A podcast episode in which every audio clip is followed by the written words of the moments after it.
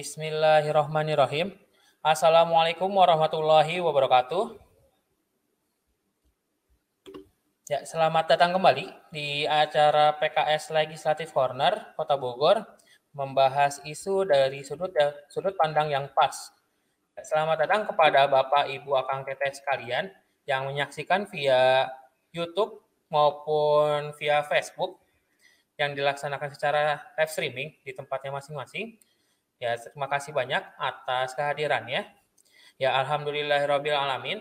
Segala puji hanya bagi Allah Subhanahu wa taala yang telah mempertemukan kita kembali setelah beberapa pekan PKS Legislative Corner libur seperti itu. Ya, dan juga sebelumnya kami ucapkan min taqabbalallahu minna wa minkum wa siamakum. Mohon maaf lahir dan batin uh, kepada Bapak Ibu Akang Teteh sekalian dari kami fraksi PKS DPRD Kota Bogor. Seperti itu. Ya, untuk diskusi kita pada sore hari ini akan mengundang salah satu narasumber dari DPRD Kota Bogor yang juga merupakan anggota fraksi PKS DPRD Kota Bogor. Beliau adalah Bu Haja Sri Kusnaini STP MEI yang merupakan Ketua Bambang DPRD Kota Bogor. Dan kali ini kita akan membahas terkait dengan tema jalan panjang mengenal legislasi daerah gitu. Sebelum kita berdiskusi lebih jauh bersama dengan Bu Sri Kusna ini, mari kita saksikan trailer sejenak.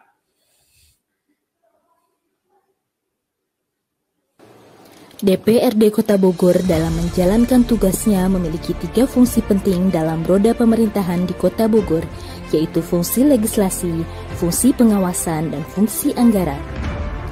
Fungsi legislasi merupakan salah satu fungsi DPRD Kota Bogor dalam hal perumusan dan pembentukan peraturan daerah maupun pengawasan pelaksanaan perda oleh pemerintah Kota Bogor. Dalam pengawalan legislasi daerah, banyak sekali PR yang masih harus diselesaikan, baik oleh DPRD Kota Bogor maupun pemerintah Kota Bogor. Beberapa permasalahan tersebut antara lain seperti masih banyaknya perda yang belum memiliki aturan teknis yang dituangkan dalam peraturan wali kota ataupun terkait dengan sosialisasi serta pelaksanaan di lapangan yang masih jauh dari kondisi ideal seperti yang diamatkan dalam perda. Beberapa permasalahan tersebut antara lain seperti masih banyaknya perda yang belum memiliki aturan teknis yang dituangkan dalam peraturan wali kota ataupun terkait dengan sosialisasi serta pelaksanaan di lapangan yang masih jauh dari kondisi ideal seperti yang diamanatkan dalam peraturan daerah. Bagaimanakah peran DPRD Kota Bogor dalam mengawal itu semua? Kita bahas tuntas di PKS Legislative Corner dengan tema Jalan Panjang Mengawal Legislasi Daerah bersama narasumber Ibu Hajah Sri Kusnaini STP MMI, Ketua Badan Pembentukan Peraturan Daerah DPRD Kota Bogor. Anda dapat menyaksikan langsung melalui akun media sosial fraksi PKS Kota Bogor di akun Facebook dan YouTube serta di YouTube PKS Kota Bogor. Ya, mari Ya, mari kita undang kepada Bu Haja Sri Kusaini. Assalamualaikum, Ibu. Oh, masih ada gangguan teknis. Ya, jadi untuk hari ini kita akan membahas terkait jalan panjang mengawal legislasi daerah, yang di mana di sini kita akan membahas gitu terkait salah satu fungsi di DPRD Kota Bogor sendiri, yaitu fungsi legislasi yang di mana di sini ya salah satu fungsi DPRD Kota Bogor ini dalam hal perumusan dan juga pengawasan peraturan daerah pelaksanaan peraturan daerah di Kota Bogor sendiri gitu. Nah, mungkin ini sudah bisa tersambung dengan Bu Sri Kusna ini. Assalamualaikum Ibu. Nanti udah musuh baru ke masker.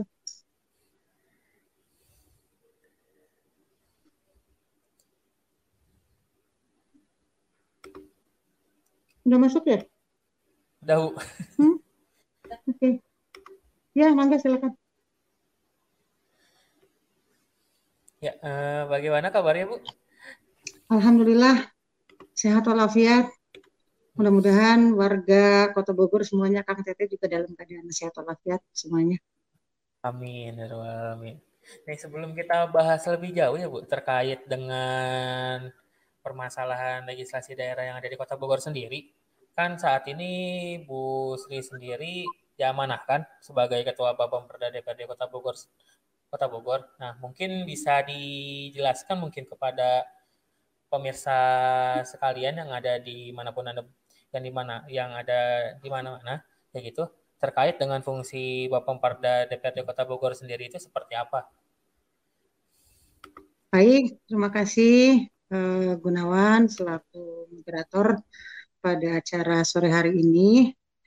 Uh, saya diamanahkan menjadi ketua Bapemperda. Ya, Bapemperda itu singkatan dari Badan Pembentukan Peraturan Daerah. Ya, kalau di pusat namanya Badan Legislasi. Dulu juga sempat namanya di daerah itu namanya Balekda, Badan Legislasi Daerah. Nah, sekarang eh, berdasarkan uh, peraturan perundang-undangan ya, khususnya peraturan perundang-undangan Undang-Undang Nomor 12 tahun 2011, maka istilah Balekda diubah sekarang menjadi Bapemperda, Badan Pembentukan Peraturan Daerah. Jadi untuk tingkat provinsi dan untuk untuk tingkat kota kabupaten itu namanya Bapemperda. Sementara di tingkat pusat namanya tetap Balek atau Badan Legislasi. Apa sih yang menjadi tugas dan fungsi gitu ya? Uh, ini sesuai dengan tata tertib yang ada di DPRD Kota Bogor dan secara umum seluruh DPRD kota kabupaten ya, ataupun provinsi. Uh, saya gunakan mungkin dengan bahasa bahasa ini aja ya, bahasa yang simpel yang mudah dipahami oleh masyarakat. Jadi secara umum yang namanya peraturan daerah itu bisa inisiatif dari DPRD, bisa juga inisiatifnya datang dari pemerintah kota. Nah, dari mana pun datangnya inisiatif tersebut, rancangan peraturan daerah, maka keduanya tadi nanti akan dibahas bersama-sama antara DPRD dengan Pemkot ya dengan SKPD atau dinas-dinas terkait sesuai dengan tema raperda yang diusulkan seperti itu. Nah, sebelum masuk untuk dibahas oleh panitia khusus bersama dengan dinas terkait dan bagian hukum, maka seluruh rancangan perda yang ada itu harus diharmonisasikan dahulu di Bapemperda. Jadi misalnya ketika uh, dinas katakanlah misalnya dinas uh, sosial uh, mengajukan sebuah rancangan peraturan daerah ya atau kayak kemarin misalnya ketika dari apa dinas eh, terkait misalnya penyertaan modal, misalnya penyertaan modal ke Bank BCB gitu. Maka sebelum dibahas oleh pansus, draft raperda dan kalau dia adalah perda awal bukan revisi atau perda baru itu ada naskah akademiknya itu akan dibahas dulu dan diharmonisasikan di Bapemperda. Jadi secara umum tugas dari Bapemperda adalah bagaimana menyeleksi seleksi awal gitu ya, seleksi awal adanya raperda atau rancangan peraturan daerah yang akan dibahas untuk kemudian apakah ini sudah uh, harmoni disinergikan dengan peraturan daerah yang sudah ada sudah pas atau belum atau mungkin ada tumpang tindih atau mungkin ada hal lain yang perlu ditambahkan. Di situlah fungsi dan tugasnya Bapemperda untuk membahas itu semuanya. Demikian kurang lebihnya. Ya, baik terima kasih banyak atas jawabannya ya mungkin tadi kan sedikit dibahas ya terkait salah satu fungsi Pak Pemerda sendiri kan untuk istilahnya hmm. menanggung jawabnya terkait masalah pembentukan peraturan daerah sendiri seperti itu. Dan di tahun 2021 ini kan DPRD Kota Bogor dalam program pembentukan peraturan daerah di tahun 2021 memiliki beberapa raperda gitu. Ada sekitar 14 sampai 15 seperti itu yang di mana terdiri dari lima raperda usulan DPRD, enam raperda usulan Pemkot Bogor, dan tiga raperda rutin gitu. Dan ini perkembangannya sudah sejauh mana sih Bu istilahnya dalam pembahasan-pembahasan raperda-raperda tersebut? Baik. Jadi secara umum eh, raperda yang diusulkan baik inisiatif dari DPRD atau inisiatif dari Pemkot yang pertama, dia harus diputuskan di paripurna dalam bentuk namanya propemperda atau program pembentukan peraturan daerah ya yang diplot untuk waktu satu tahun. Nah, ini harus dipahami pertama dulu ya. Jadi propemperda adalah program pembentukan peraturan daerah disepakati. Gitu, disepakati dulu. Tadi seperti yang sudah disampaikan oleh uh, Pak Gunawan, ada 14 ya sebelum ada tambahan di tengah jalan untuk raperda revisi RPJMD itu ada 14 gitu kan? lima di antaranya adalah raperda yang inisiatif dari DPRD nah, saya tambahkan di sini uh, judul dari raperda yang usulan inisiatif DPRD ya. Yang pertama ada raperda santunan kematian kemudian juga ada yang untuk tahun 2021 ini ya Eh, Propam Perda 2021 ada santunan kematian, santunan kematian, kemudian ada raperda tentang Bogor Kota Ham, terus ada raperda tentang pondok pesantren, terus ada raperda tentang sistem pangan dan pertanian organik, dan yang satu lagi adalah raperda tentang sistem keolahragaan Kota Bogor. Itu lima Raperda yang merupakan inisiatif DPRD yang sudah masuk di program pembentukan Perda tahun 2021. Ini saya bahas dulu yang inisiatif DPRD ya. Nah, untuk Raperda yang santunan kematian Alhamdulillah ya sudah terbentuk pansus di awal ke tahun 2021 ini dan pansus sudah melakukan beberapa kegiatan, rapat-rapat ya dan diawali juga dengan rapat dengar pendapat umum dan sebagainya. Dan saat ini posisinya eh, hampir sudah seluruh pasal ya, hampir seluruh pasal itu sudah kita bahas, sudah disepakati antara DPRD Kota Bogor dalam adalah pansusnya dengan dinas terkait, ada dinas sosial, ada dinas pendidikan, kemudian juga distrik capil, ya, bagian kesera dan sebagainya. Ya. Tinggal finishing aja lah sedikit untuk raperda santunan kematian. Kemudian kalau untuk raperda Bogor Kota HAM, ini sebenarnya adalah raperda warisan periode lalu jadi sebenarnya saat ini untuk Raperda Bogor Kota HAM itu sudah selesai naskah akademiknya, sudah selesai juga draft raperdanya dan waktu itu juga di tahun lalu sebelum saya menjadi ketua Bapemperda itu sudah pernah juga dibahas atau diharmonisasikan di Bapemperda ya hanya kemarin karena Pemperda yang tahun ini keanggotaannya ada rekomposisi, ada perubahan beberapa nama yang tidak masuk lagi, ada yang masuk baru dan sebagainya. Untuk Raperda yang Bogor Kota Ham ini rencananya akan disinergikan ulang di Bapemperda. Ya, jadi statusnya NA sudah ada, Raperdanya juga sudah ada.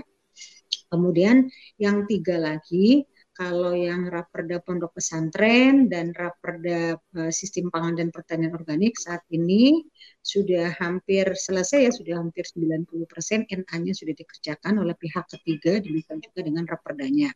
Nanti kalau sudah selesai akan diekspos oleh pihak ketiga yang mengerjakan ya konsultannya ke Perda. Di situ mungkin akan ada tambahan masukan atau yang lainnya yang baru setelah itu akan dibahas pada rapat-rapat berikutnya setelah disepakati di paripurna oleh seluruh anggota DPRD dan kemudian disepakati juga oleh uh, Pemkot untuk segera ditutup pansus. Dan yang terakhir adalah Raperda Sistem Keolahragaan Nasional baru pekan lalu ya, baru pekan lalu uh, penunjukan pihak ketiganya untuk mengerjakan Raperda NA eh, untuk mengerjakan uh, naskah akademik dan sekaligus Raperda ya, dari Raperda tadi Sistem Keolahragaan Kota Bogor.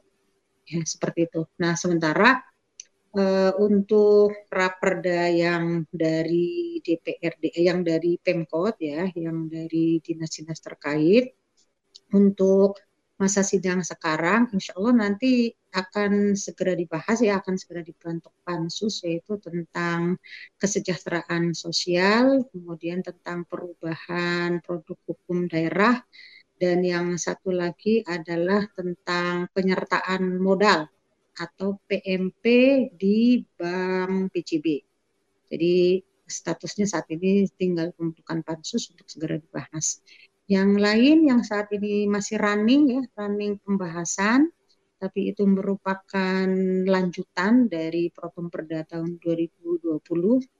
Eh, kemarin kita sudah alhamdulillah berhasil menyelesaikan uh, Perda Tibum ya, ketertiban umum. Ya sudah juga turun uh, fasilitasi dari gubernur yang juga sekarang masih running, masih dalam pembahasan adalah Raperda tentang P4S kita menyebutnya yaitu tentang pencegahan dan penanggulangan perilaku penyimpangan seksual. Yang lainnya yang juga masih running ada Raperda tentang PDJT perusahaan daerah jasa transportasi ya ini masih berlangsung eh, ininya apa namanya pansusnya dari hasil eh, apa namanya pembahasan di tahun sebelumnya. Di luar Propemberda 2001 tapi dia maksudnya Propemberda 2020 tapi belum selesai pembahasannya. Karena sesuai dengan tata tertib di DPRD Kota Bogor pansus itu diberikan waktu pembahasan satu raperda maksimal selama satu tahun. Seperti itu kurang lebih terima kasih banyak Bu atas jawabannya ya jadi berarti banyak sekali yang masih dalam proses gitu seperti itu terkait raperda-raperda yang akan dibahas oleh DPD Kota Bogor bersama dengan Pemkot Bogor seperti itu. Dan mungkin sedikit pertanyaan Bu, ini terkait dengan legislasi daerah sendiri ini. Sebenarnya dari Ibu sendiri apakah ada catatan-catatan dalam hal istilahnya pengawalan terhadap permasalahan-permasalahan yang ditemukan di isu legislasi daerah ini gitu?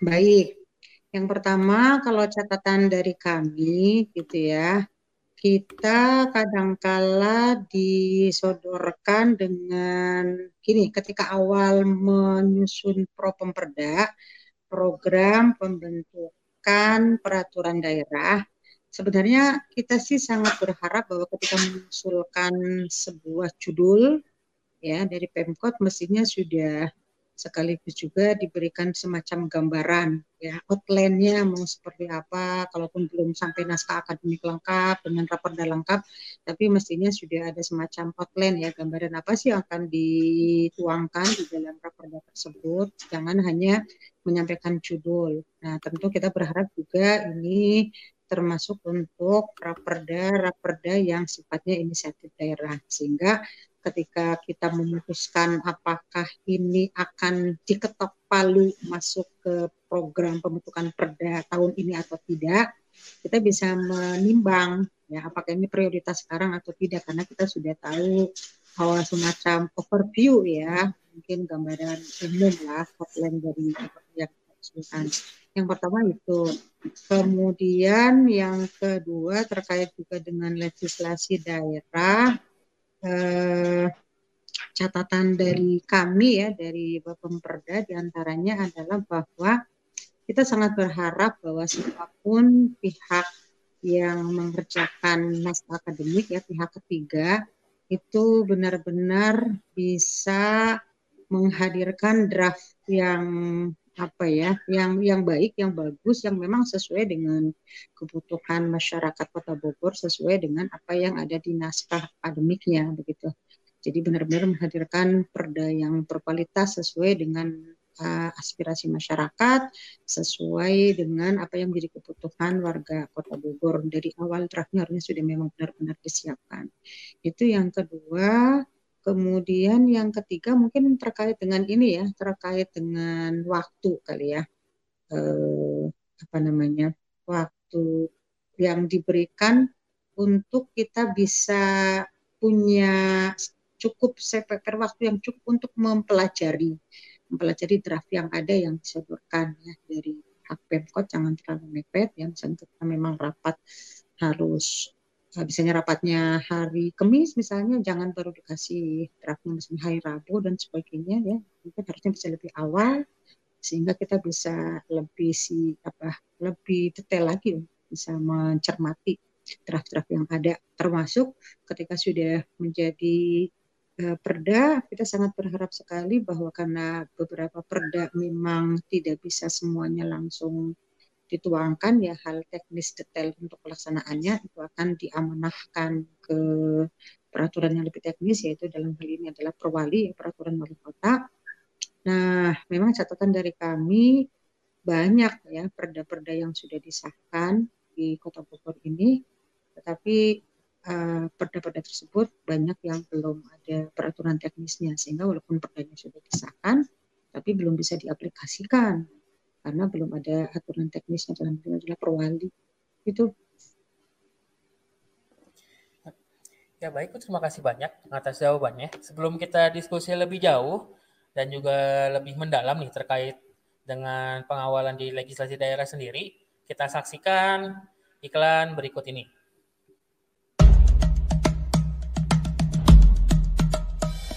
الله أكبر الله أكبر الله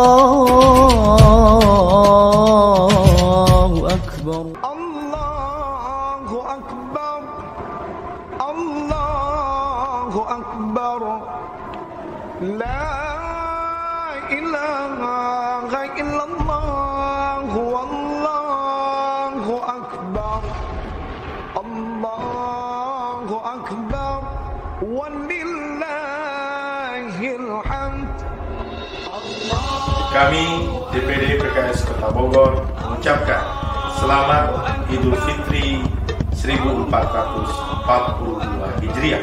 Taqabbalallahu minna wa minkum siyamana wa siyamakum jalanallahu wa iyyakum minal aizin wa faizin. Mohon maaf lahir dan batin.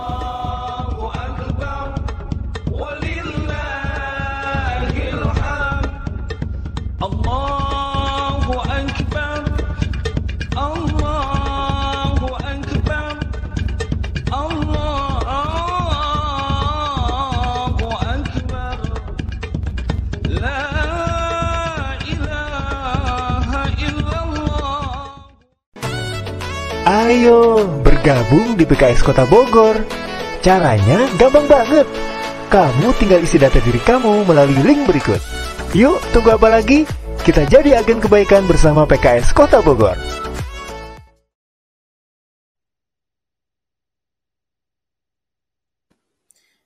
Ya, kembali lagi di acara PKS Legislatif Corner Kota Bogor membahas isu dari sudut pandang yang pas.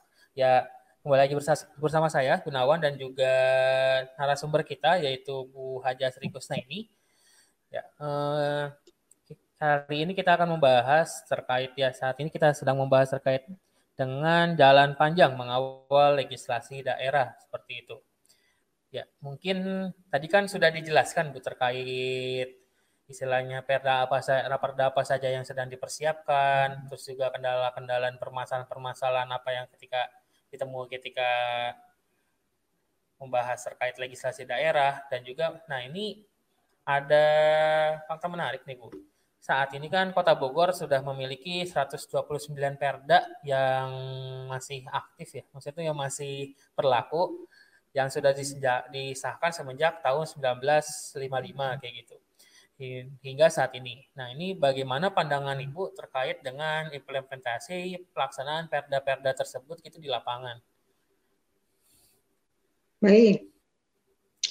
Ya, jadi yang pertama kami melihat upaya untuk sosialisasi perda ke masyarakat itu masih sangat kurang, belum masif. Artinya warga masyarakat Kota Bogor itu kan sebenarnya punya hak untuk mereka mengetahui, untuk mereka paham aturan-aturan apa saja sih yang sudah dibuat oleh pemerintah dengan DPRD gitu kan. Sehingga mereka tidak ada kegam- kegamangan ketika misalnya mau melakukan sesuatu, bertindak sesuatu dan sebagainya. Dan ketika pun mereka kemudian melanggar, dia dengan sadar apa namanya sudah tahu oh memang konsekuensinya berarti memang ada sanksi atau mungkin ada peringatan dan sebagainya. Ketika memang masyarakat sudah diberikan haknya dengan baik ya secara optimal lewat program-program yang diberikan oleh pemerintah dalam upaya untuk sosialisasi peraturan-peraturan daerah yang sudah ada. Yang pertama itu ya, jadi kami melihat bahwa upaya sosialisasi perda ke tengah masyarakat itu masih sangat-sangat kurang. Bahwa misalnya kalau kita sekarang disampaikan kan sudah ada di lembar daerah, misalnya bisa diakses lewat eh, apa eh, internet dan sebagainya. Nah ini kita harus memahami bahwa belum semua masyarakat Kota Bogor itu uh, ya bisa mengakses ya, bisa mengakses internet atau sudah paham dengan dunia digital sehingga mereka semuanya bisa uh, mengakses peraturan-peraturan daerah yang ada lewat internet. Jadi tentu selain upaya-upaya yang sifatnya digital ya lewat web dan sebagainya kami sangat berharap bahwa Pemkot itu masif mensosialisasikan perda-perda yang sudah ada ke tengah masyarakat lewat perangkat daerah yang ada ya. Dari mulai camat, lurah sampai ke RW, RT dan seterusnya itu harusnya ada program yang secara khusus masif untuk sosialisasi perda. Ya termasuk misalnya juga lewat katakanlah misalnya eh, apa namanya ruang-ruang iklan publik di masyarakat bukan hanya dipasang untuk iklan yang sifatnya komersial saja, tapi ada mungkin harusnya presentasi tertentu yang ruang-ruang iklan tersebut dipakai untuk upaya sosialisasi perda ya sehingga masyarakat gampang mengakses itu yang pertama ya.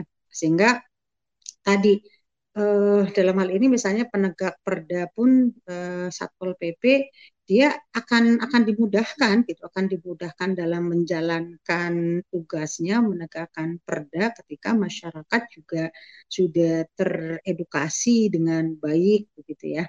Pertama itu. Kemudian yang kedua memang kita juga sangat me, apa namanya ya sangat berharap sekali bahwa perda-perda yang sudah disahkan sudah ada harus segera diselesaikan tuh perwalinya ya. Aturan-aturan teknisnya ya, sesuai dengan amanah yang ada di perda. Misalnya kalau saya ambilkan contoh perda tentang kepemudaan ya. Kepemudaan Kota Bogor yang sudah disahkan tahun 2018 di ah 2019 itu ya itu di salah satu pasalnya mengamanahkan bahwa aturan teknisnya perwalinya itu harus sudah uh, dikeluarkan enam bulan sejak uh, disahkan. Kenyataannya sampai sekarang sudah dua tahun belum ada perwalinya. Ini satu hal yang sangat kita sayangkan ya. Belum lagi mungkin perda-perda yang lain mungkin nanti perlu dicek kembali ya. Tapi salah satu yang kami cermati salah satunya tadi ya tentang perda kepemudaan gitu. Makanya kemarin di rapat-rapat Pemperda kita juga sering kali meminta kepada Pemkot ya untuk ketika meng, ketika mengusulkan sebuah raperda harusnya sudah mulai digarap dari awal, disiapkan dari awal draft perwalinya gitu.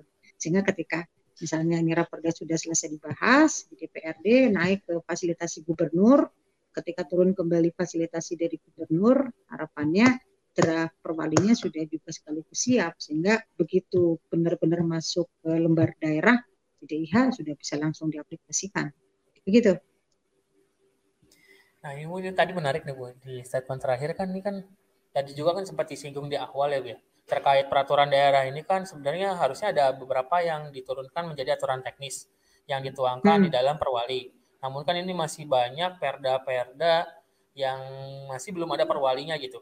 Ini juga dulu sempat di episode pertama PKS Legislative Corner ini pernah disinggung sama Pak Dodi ya ketika pembahasan LKPJ juga Bu seperti itu. Nah ini tanggapan Ibu sendiri terkait permasalahan ini tuh seperti apa ya Bu?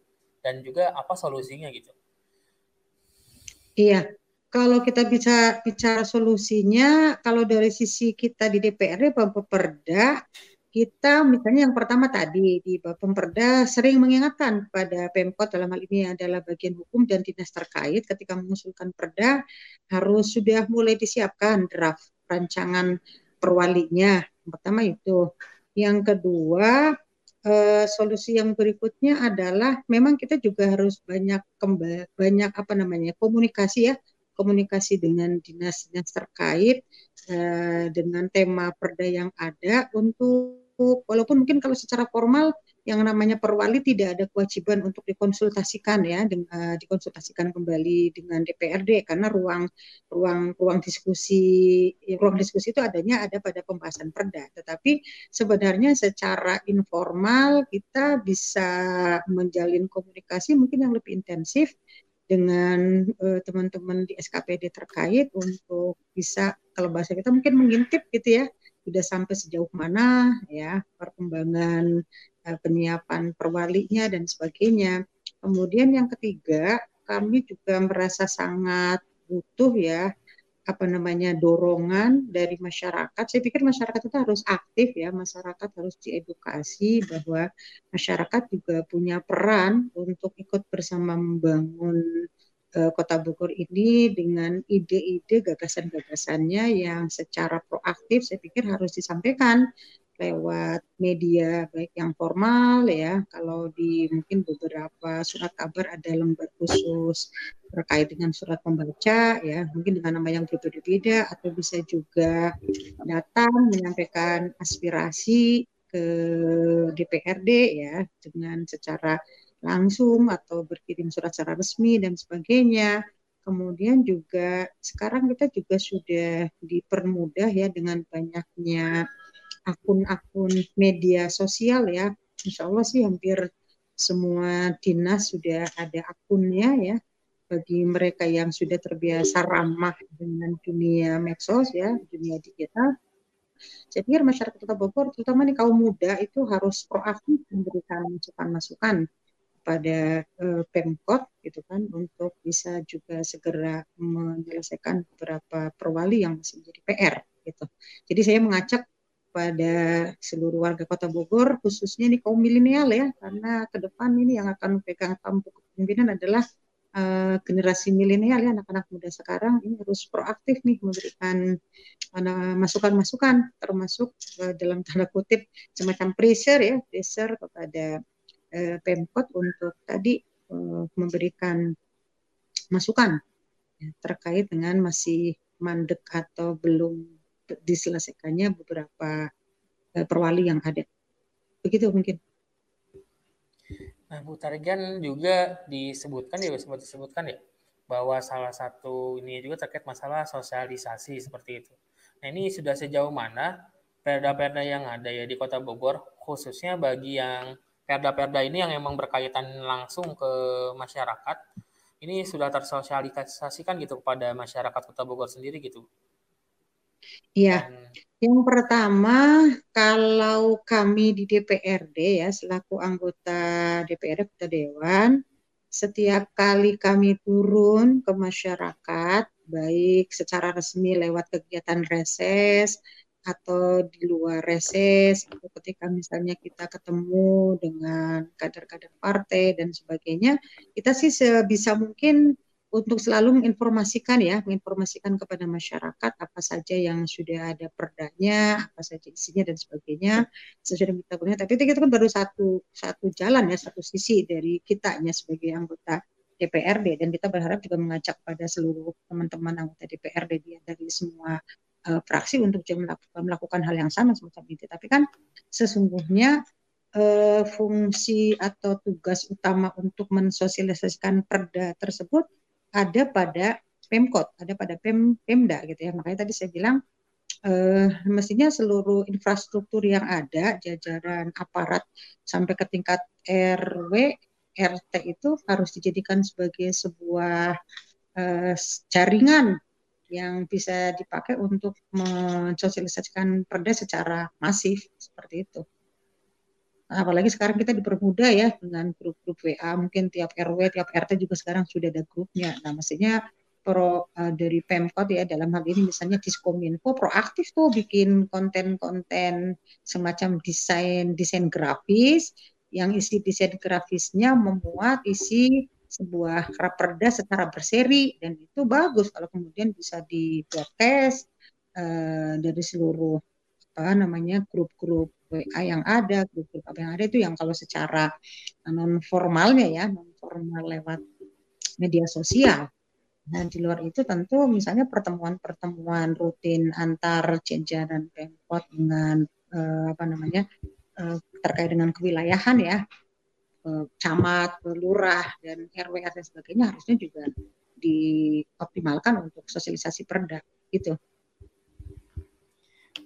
Nah, baik. Eh, terakhir nih Bu, untuk yeah. peran Pemkot sendiri ini sudah sejauh mana gitu Bu dalam hal istilahnya pelaksanaan implementasi Perda sendiri dan juga mungkin tadi sosialisasi juga itu sudah sejauh apa seperti itu? Implementasinya ya, iya. implementasi yeah. Perda yang sudah ada. Ya, Ya, jadi memang banyak hal, banyak hal yang terkait dengan perda yang harus terus menjadi tugas kita sebagai anggota dewan itu secara formal mengawasi, tapi masyarakat secara umum juga punya punya hak dan punya kesempatan yang luas untuk terus mengawasi apakah perda yang sudah ada sudah benar-benar diaplikasikan, dilaksanakan oleh Pemkot sendiri atau tidak. Saya ambilkan contoh, misalnya kemarin terkait dengan perda ketertiban umum yang baru saja kita sahkan ya. Misalnya di sana ada pasal ada aturan yang melarang bahwa uh, sebuah hotel atau sebuah bangunan uh, dipakai untuk hal-hal yang uh, apa namanya asusila dan sebagainya. Nah, jangan sampai kemudian karena ada deal-deal tertentu ya misalnya antara uh, apa namanya Pemkot dengan pihak pengelola dan sebagainya kemudian sampai harus me mengabaikan isi dari pasal yang sudah kita sepakati bersama. Termasuk kemarin juga kasus yang sempat mencuat ya ini terkait tempat hiburan malam ya THM tempat hiburan malam yang itu juga sudah ada pasal larangannya di Perda tentang ketertiban umum bahkan juga secara khusus Pemkot sudah mengeluarkan surat edarannya tetapi kemarin di lapangan ada tempat hiburan malam yang masih buka di bulan Ramadan bahkan sampai pagi. Nah, ini kan kembali sekali lagi di sinilah uh, Pemkot sebagai pihak eksekutif uh, sebagai penanggung jawab untuk pelaksanaan perda di apa namanya tantangan ya tantangannya sejauh mana komitmen dan kewibawaan yang untuk bisa menegakkan perda yang sudah disepakati. Itu beberapa contoh sedikit saja sih. Ya mungkin kalau yang lain-lain kita perlu mengeksplor lebih jauh dengan kasus-kasus yang ada di lapangan yang misalnya tentang uh, apa ya kalau kemarin tentang UMKM ya.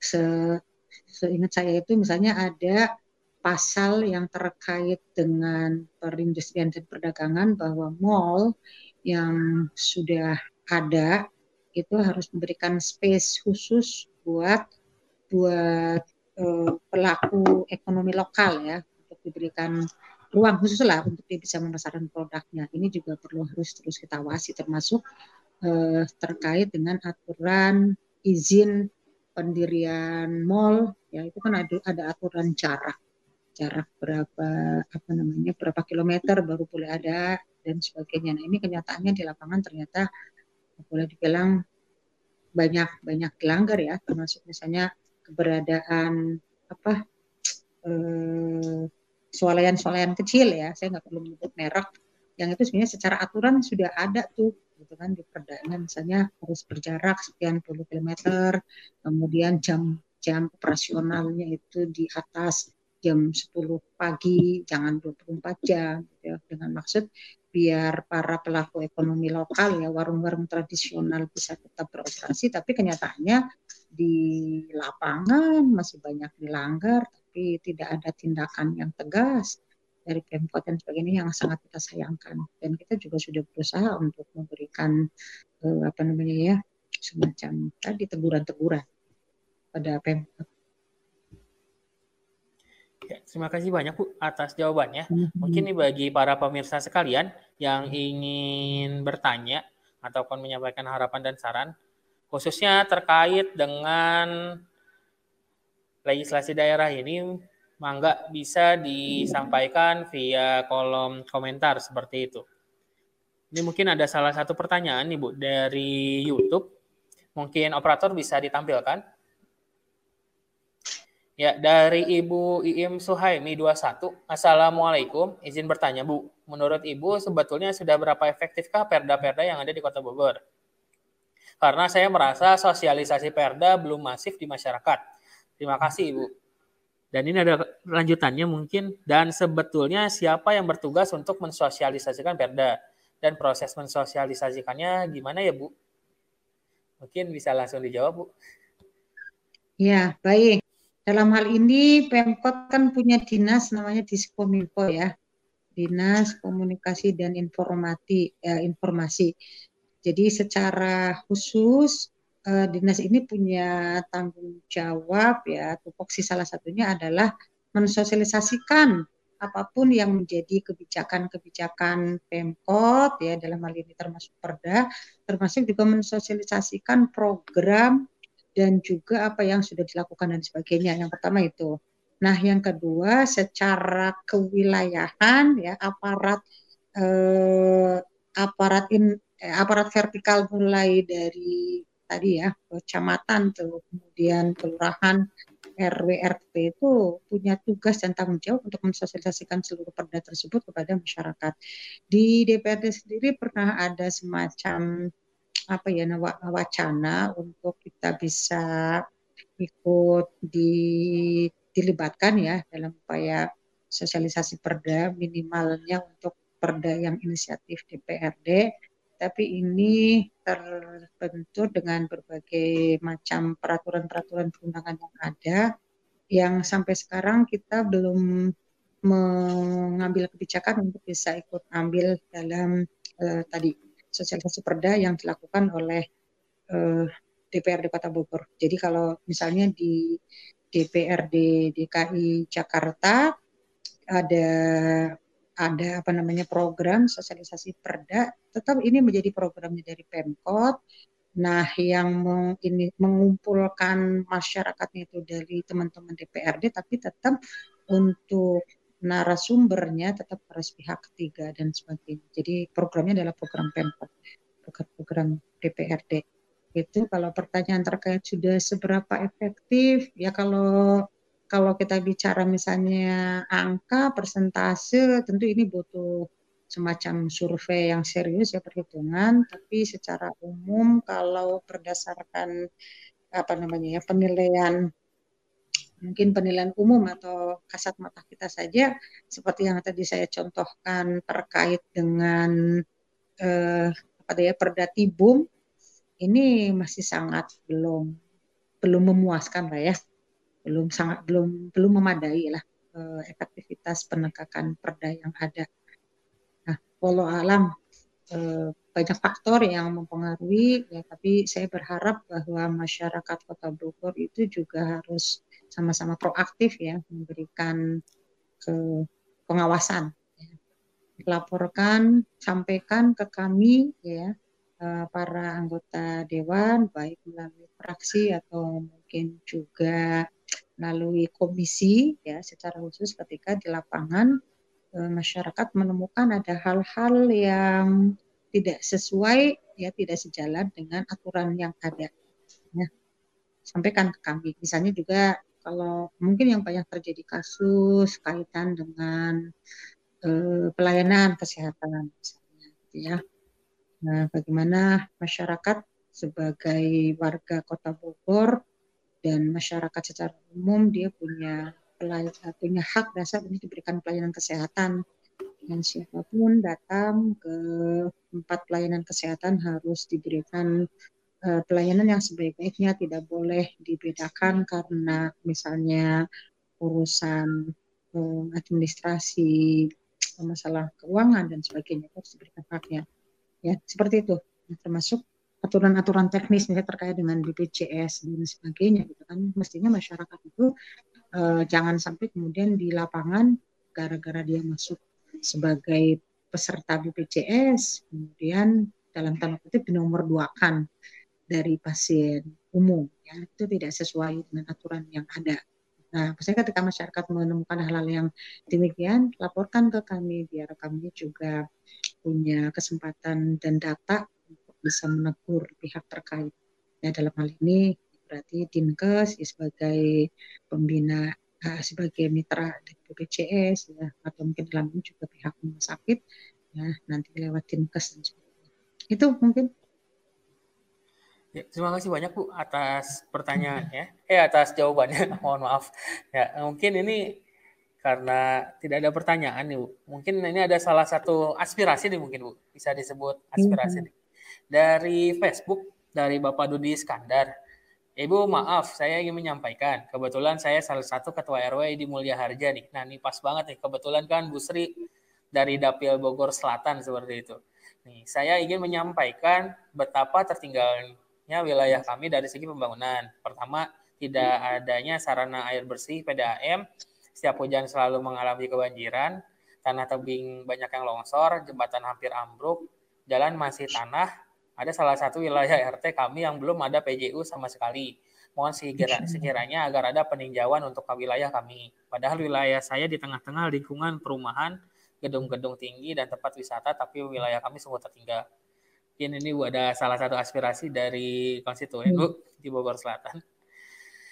Ya, tepatnya di RW berapa. Pak? Atau nanti mungkin secara ada follow up-nya tindak lanjut, monggo Bapak dengan mungkin pengurus RW dan pengurus RT yang lain bisa hadir secara lengkap menyampaikan beberapa permasalahan yang terjadi ke fraksi PKS Kota Bogor.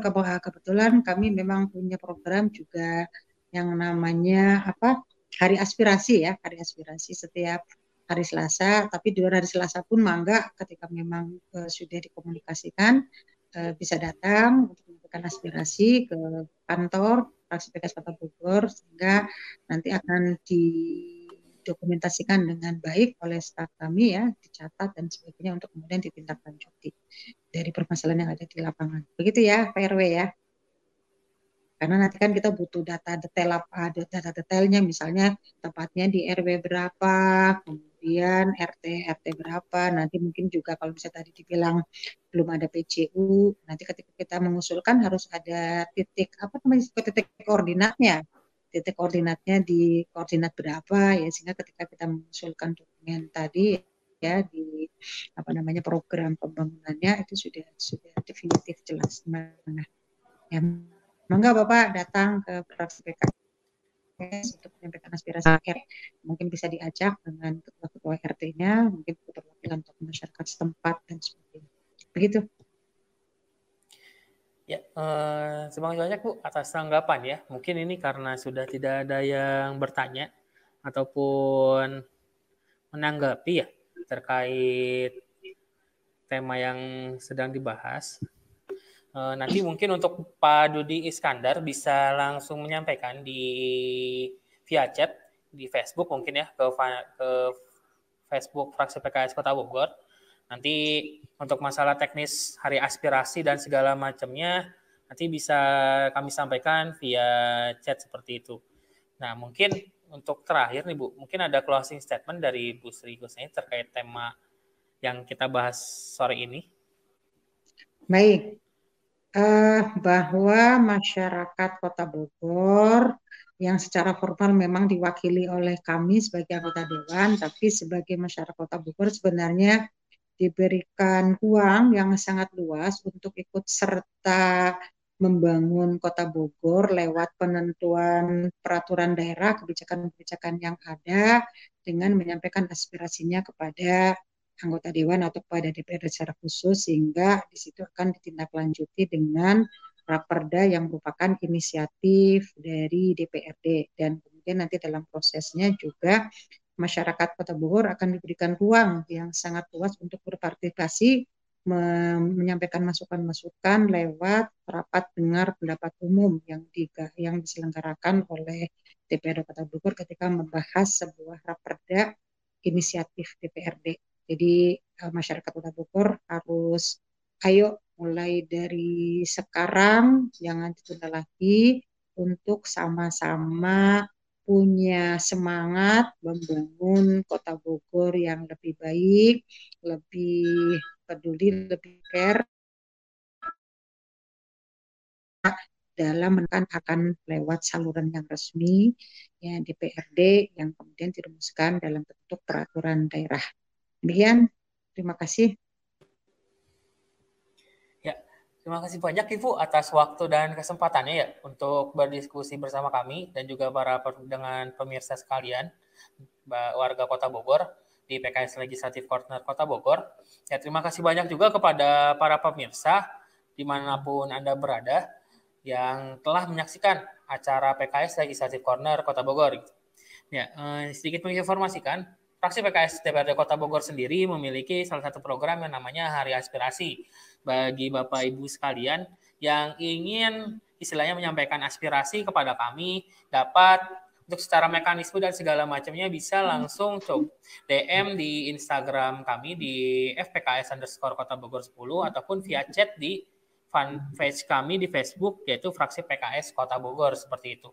Dan jangan lupa saksikan besok Eh, rapat paripurna DPRD Kota Bogor spesial Hari Jadi Kota Bogor ke 539 eh, di kanal-kanal sosial media DPRD Kota Bogor maupun pemerintah Kota Bogor. Ya, dan juga fraksi PKS DPRD Kota Bogor mengucapkan selamat Hari Jadi Kota Bogor ke 539. Ya. Sekian dari kami. Saya sebagai host beserta kru yang bertugas mohon undur diri. Kurang lebihnya mohon maaf. Wassalamualaikum warahmatullahi wabarakatuh. Waalaikumsalam.